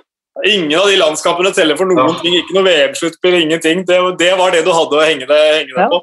Nei, for du sto ikke i serieåpningen der, altså, men du sto hjemme i 0-2-tapet mot, uh, mot uh, Coventry der. Jeg kan si de tre første resultatene i denne første Premier League-sesongen for din del. Vil du vite det, eller skal jeg bare la det ligge? Nei, jeg, ingen av de målene kunne jeg tatt, Kasper. 0-2 mot Coventry, 2-2 mot Crystal Palace, og så uh, 5-0 til Leeds på Ellen Road. Ja, den husker jeg. Den husker jeg veldig godt. Ja. Det var med Cantona og gjengen. Eh, og altså, I andre omgang så greide vi å gå i offside én gang, og da var vi dritfornøyde. For det, det var det eneste vi greide å skape offensivt. Vi greide å gå i offside én gang. Vi ble fucking rundspilt. ass. Aldri vært med å bli så rundspilt som vi gjorde i den kampen der.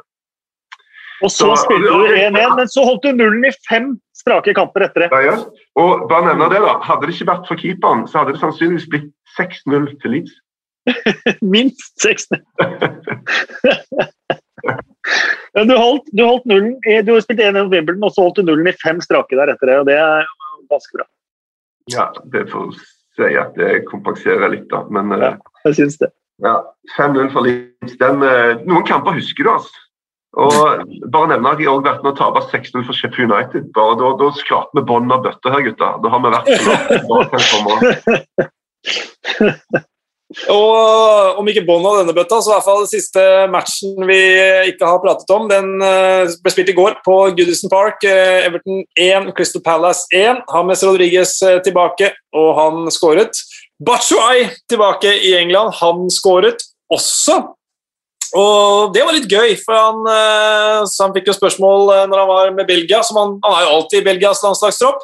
Og han fikk ikke den tilliten den, eh, det han følte han trengte i Crystal Palace.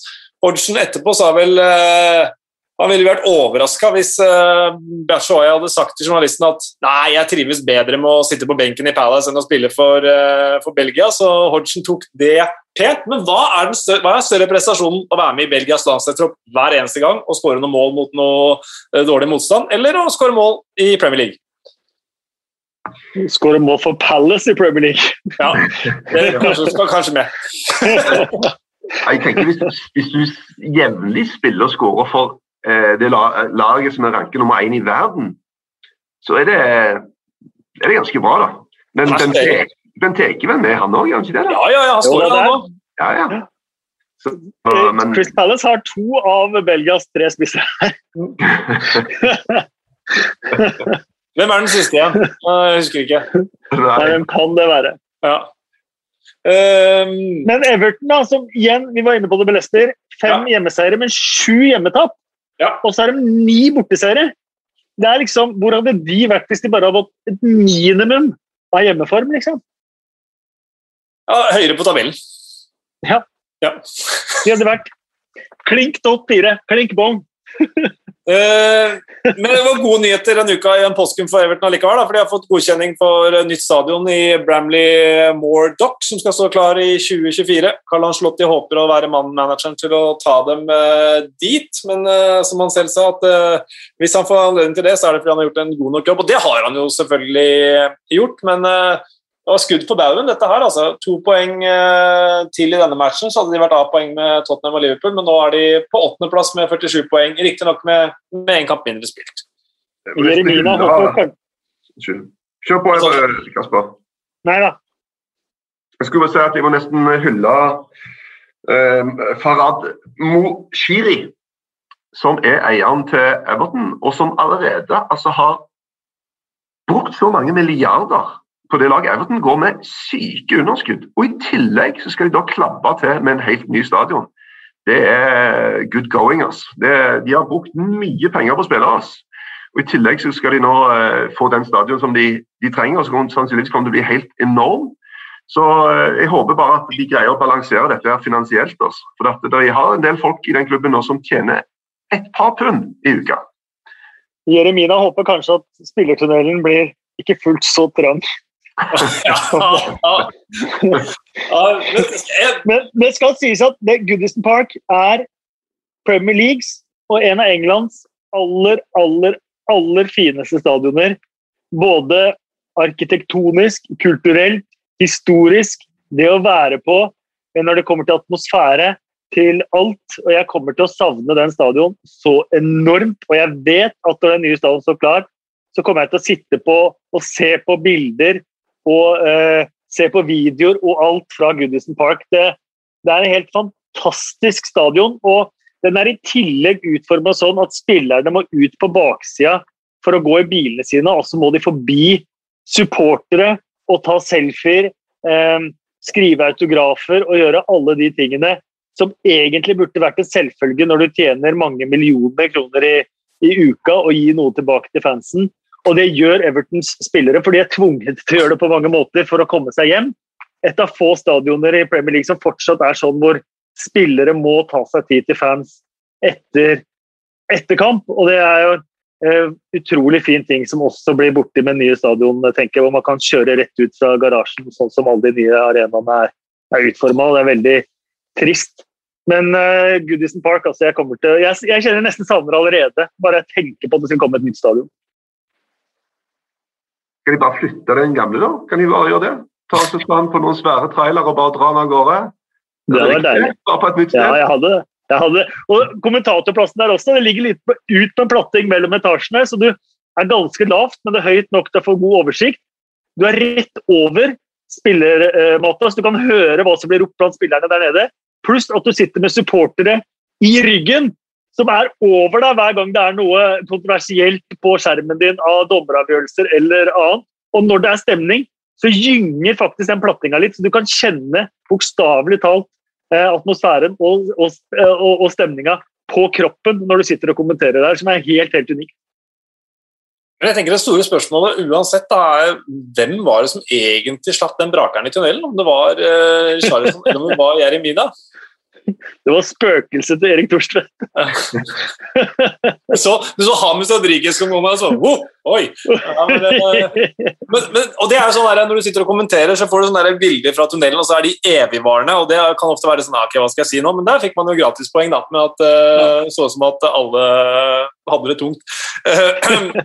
Eh, vi, eh, jeg sa til min måte at det var en historisk dag i, eh, i English Football League. og Det var jo fordi eh, i kampen mellom Port Vale og Harrogate, eller Harrogate Port Vale for å være helt eh, nøyaktig, så gjorde Rebecca Welsh, 37 år eh, gammel, sin første eh, kamp som dommer. Første kvinnelige dommer til å bli utnevnt til en match. Det var vel en, eh, en Amy Farron som dømte litt i 2010, men det var pga. en skade. så Rebecca Welch fra Washington oppe i nordøst ble første kvinnelige hoveddommer i, eh, i IFL, og det er veldig gøy. Det må jeg hylle. Det er stas. Ja, det er fantastisk. Eh, og hun klarte seg bra. og Det var jo så en del bilder. men Harrogate følte seg vel skutt for et straffespark eh, der i Ja. første omgang, men eh, eh, Men tror du ikke, det er helt utrolig at det Ja.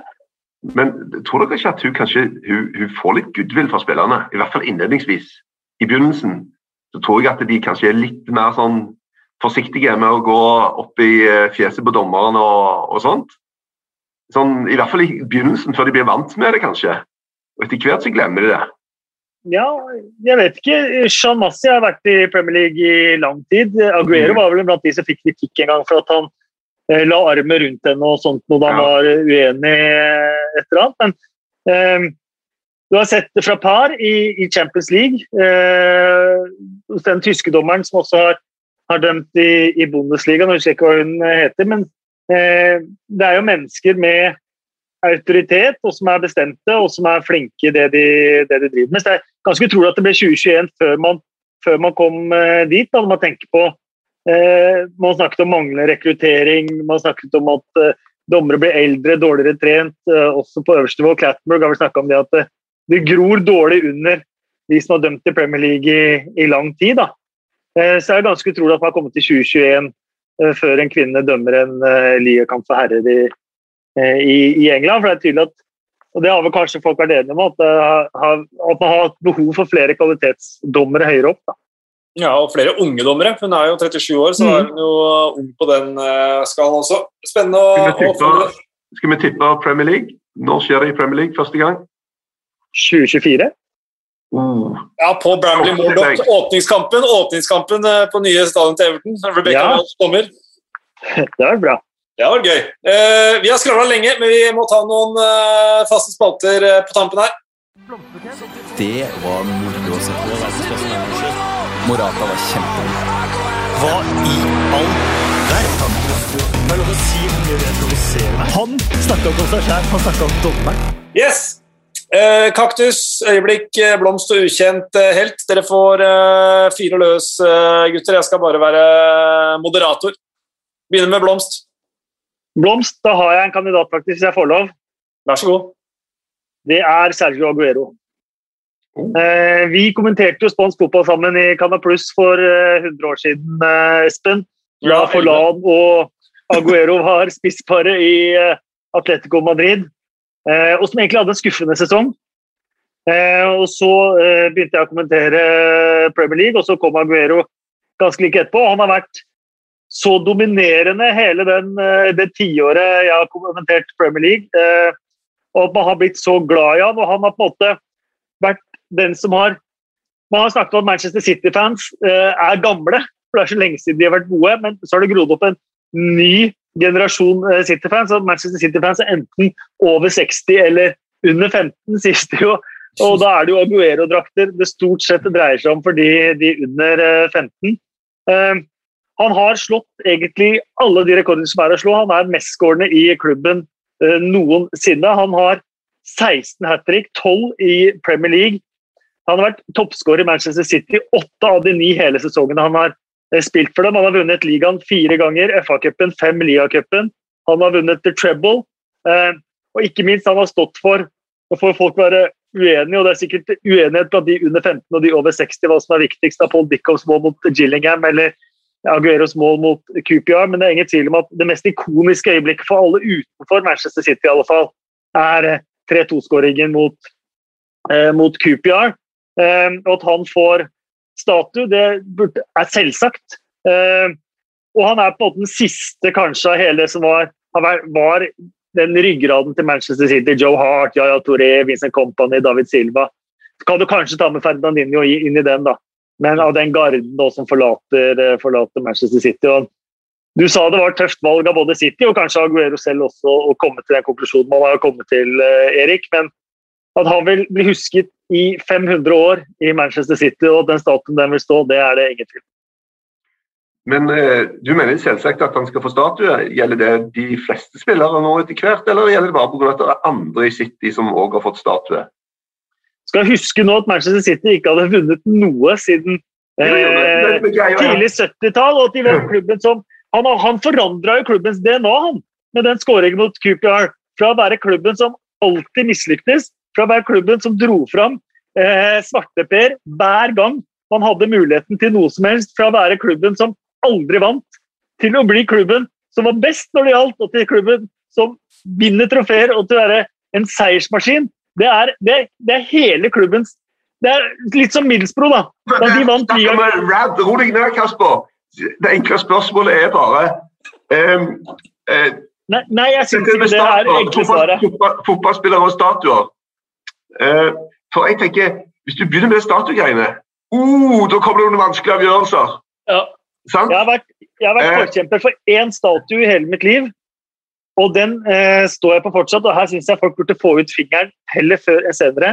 og det er at Egil Drillo Olsen for lengst skulle hatt en statue utenfor Ullevål stadion. Helst en stor statue utenfor Ullevål stadion. Det er den eneste statue sånn jeg vil virkelig gå i demonstrasjonstog og kjempe for. Det er statuen som Olsen burde fått. Skal du vite det at neste gang du kommenterer match sammen med Nils Johansen, så sitter det en fyr på siden av deg som er fly forbanna over at du ikke vil at han skal få statuen utenfor eh, Ullevål.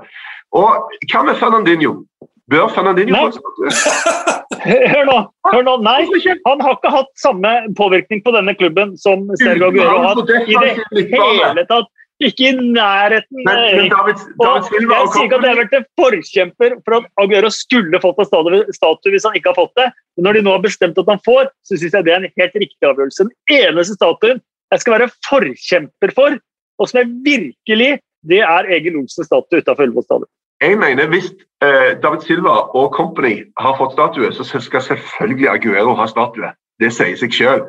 Men bør ikke Fernandinho inn i samme bracket? Og blir ikke dette vanskelig etter hvert? Det kommer altså til å være så mye statuer rundt eh, de ulike stadionene etter hvert. Så Nei, det er statuer utenfor. Det er eh, Gordon Banks har statue utenfor eh, Britannia. Dixie Dean har statue utenfor eh, eh, Goodison Park. Bill Shankly har statue utenfor, eh, utenfor Anfield.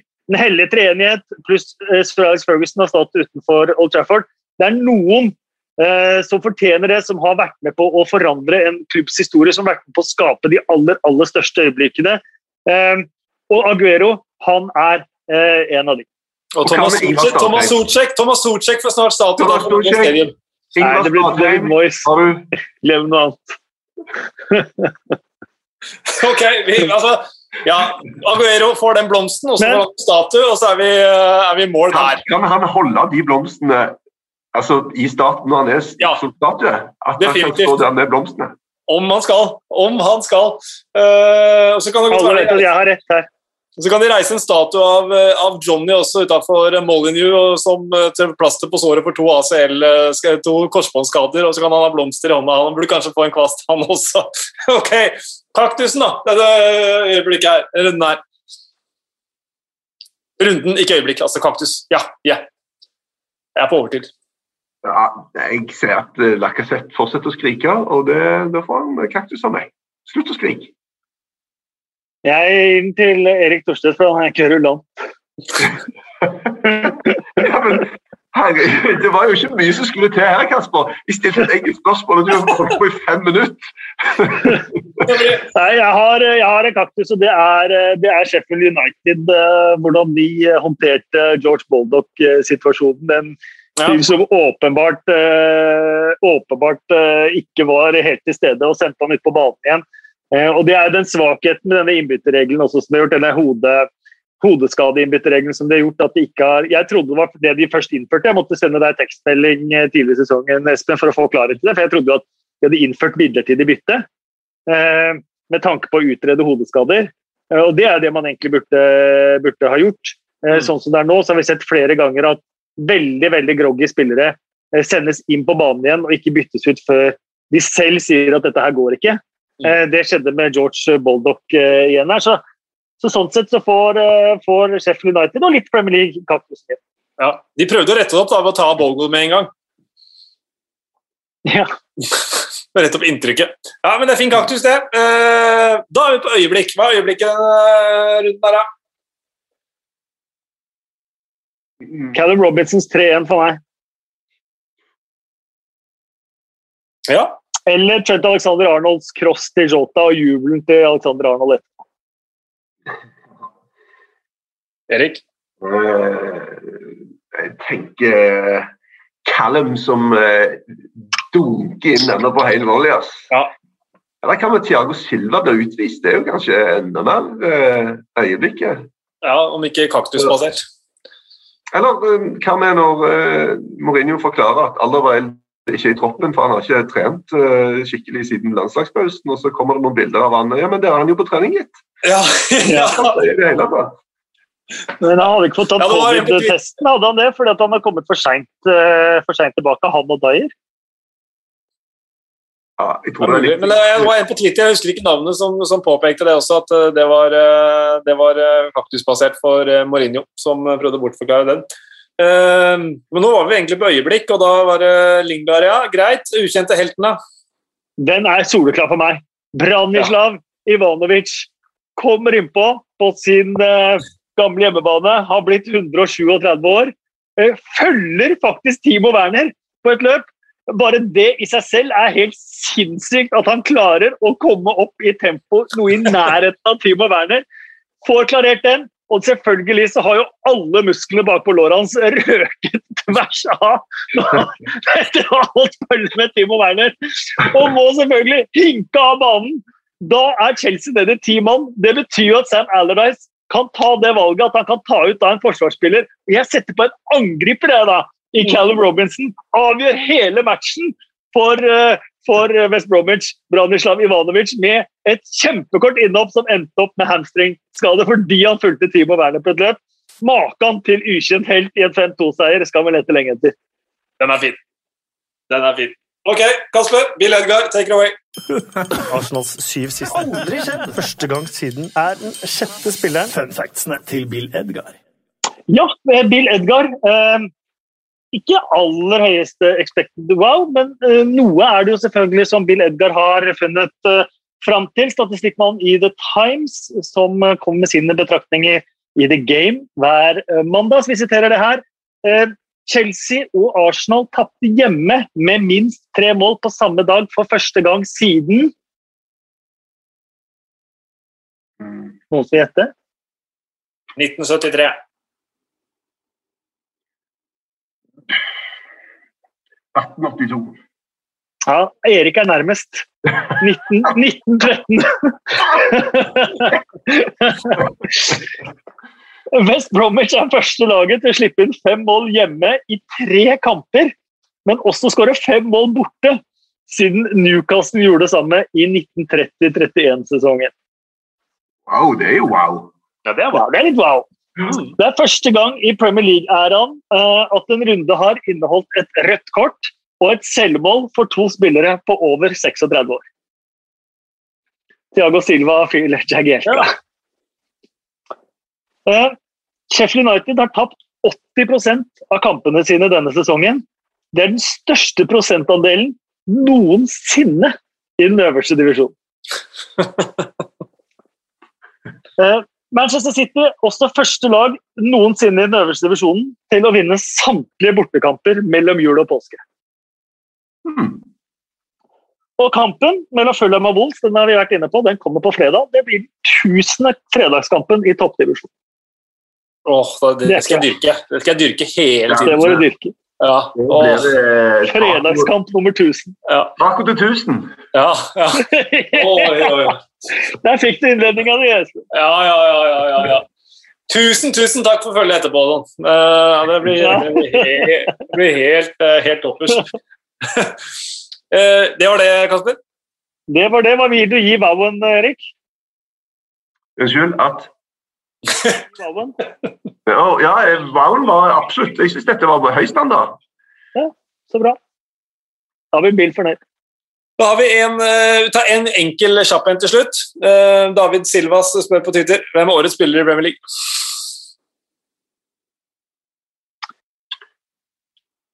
Mm, Du tok meg på senga der, men jeg, jeg har litt lyst til å si, uh, si Harry Kane, jeg, da. På et, uh, på et uh, utrolig sånn det har vært litt dårlig stemning, litt destruktivt. Du har José Mourinho, du har et lag som ikke har fungert. Og, og så likevel, samme hva slags kamp, samme hva slags kampbilde, samme hva slags motstander, så, så leverer Harry Kane. Det syns jeg er veldig imponerende. Da vil jeg hive inn gjøre et slag for de lenger tilbake på banen som aldri når opp i de der kåringene. Da sier jeg Ruben Diaz. Og som en liten joker, for bare for at uh, Erik skal uh, være venn med meg etter podkasten også, så legger jeg inn da Emi Martinez. Vi er tre hete kandidater der, David og alle dere andre. Eh, I kveld er det Champions League, Real Madrid mot eh, Liverpool. På våre kanaler er det Manchester City Dortmund. I morgen på Bayern mot PSG, Porto Chelsea. Er, eh, Og så har du ikke minst med tanke på hva som skjer i Premier League neste sesong, så skal Oi. Norwich i aksjon mot Huddersfield, og Brentford skal også spille i kveld. Men kan Norwich fortsatt rote dette vekk, Kasper? Er det mulig? Nei. Selvfølgelig kan de det. Selvfølgelig kan Selvfølgelig kan de det. Nei, Men nei, nei. nei. Men jeg Det er på det er hvis- sånn dum, dummeste antimanninga jeg hører, Kasper. De kan ikke råde bort det der. Brentford taper poeng mot Birmingham, og Norwich slår Huddersfield, så skal jeg begynne å nærme meg at det, det kommer til å bli. Men bortsett fra det, eh, nei, det er på ingen måte sikkert. Det er like sikkert som at ingen har snudd 0, eh, 9-0. At eh, Er du rar, eller? Like Er sikkert. 100 klink. Jo, jo, jo. Klink bong! Klink bong, klink bong. Det har jeg sett på Twitter at det er ikke noe som heter klink bong. Det mener Morten Langli. Du har klink vinner, ellers har du en bra bong. Uh, men jeg er med Kaster Foss på klink bong. Den er god. Eh, og dette her ble en, eh, en, en lang stund, så får vi håpe at de som eh, hører på, uh, syns det er fint. Takk til Moderne Media, som produserer for oss. Takk til deg som lytter. Gi, oss, ros på Twitter, gi oss stjerner i podkast-appen. Erik, du skal ha Champions League i kveld. Det Ja. blir vel gøy? Det blir stas. Blir nok litt Haaland-snakk igjen, ja. Det gjør noe. Ja, Nydelig at du tok deg tid eh, allikevel i din uh, trange kalender. Ja, ja, her er det en fornøyelse å være med. Eh, men hvem er det som egentlig er sjef på, på podden her nå? Er det, det, er det, er det Kasper? Men det er alltid Kasper. Jeg er stedlig- Nei, jeg er er føler han har autoriteten fortsatt. ass. Nei, det er jeg, jeg, Espen har eh, vært fantastisk vikar, så jeg lurer på om jeg noen gang trengs som eh, sjef med denne podkasten. Jeg er fortsatt ganske syk. Jeg er bare 30% tilbake på jobb.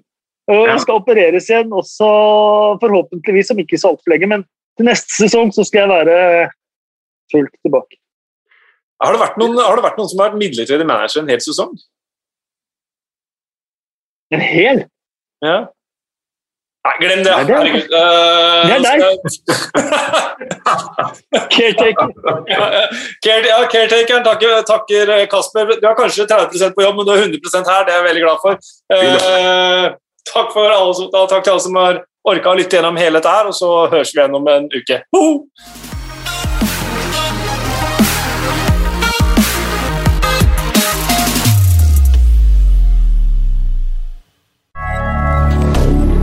moderne media.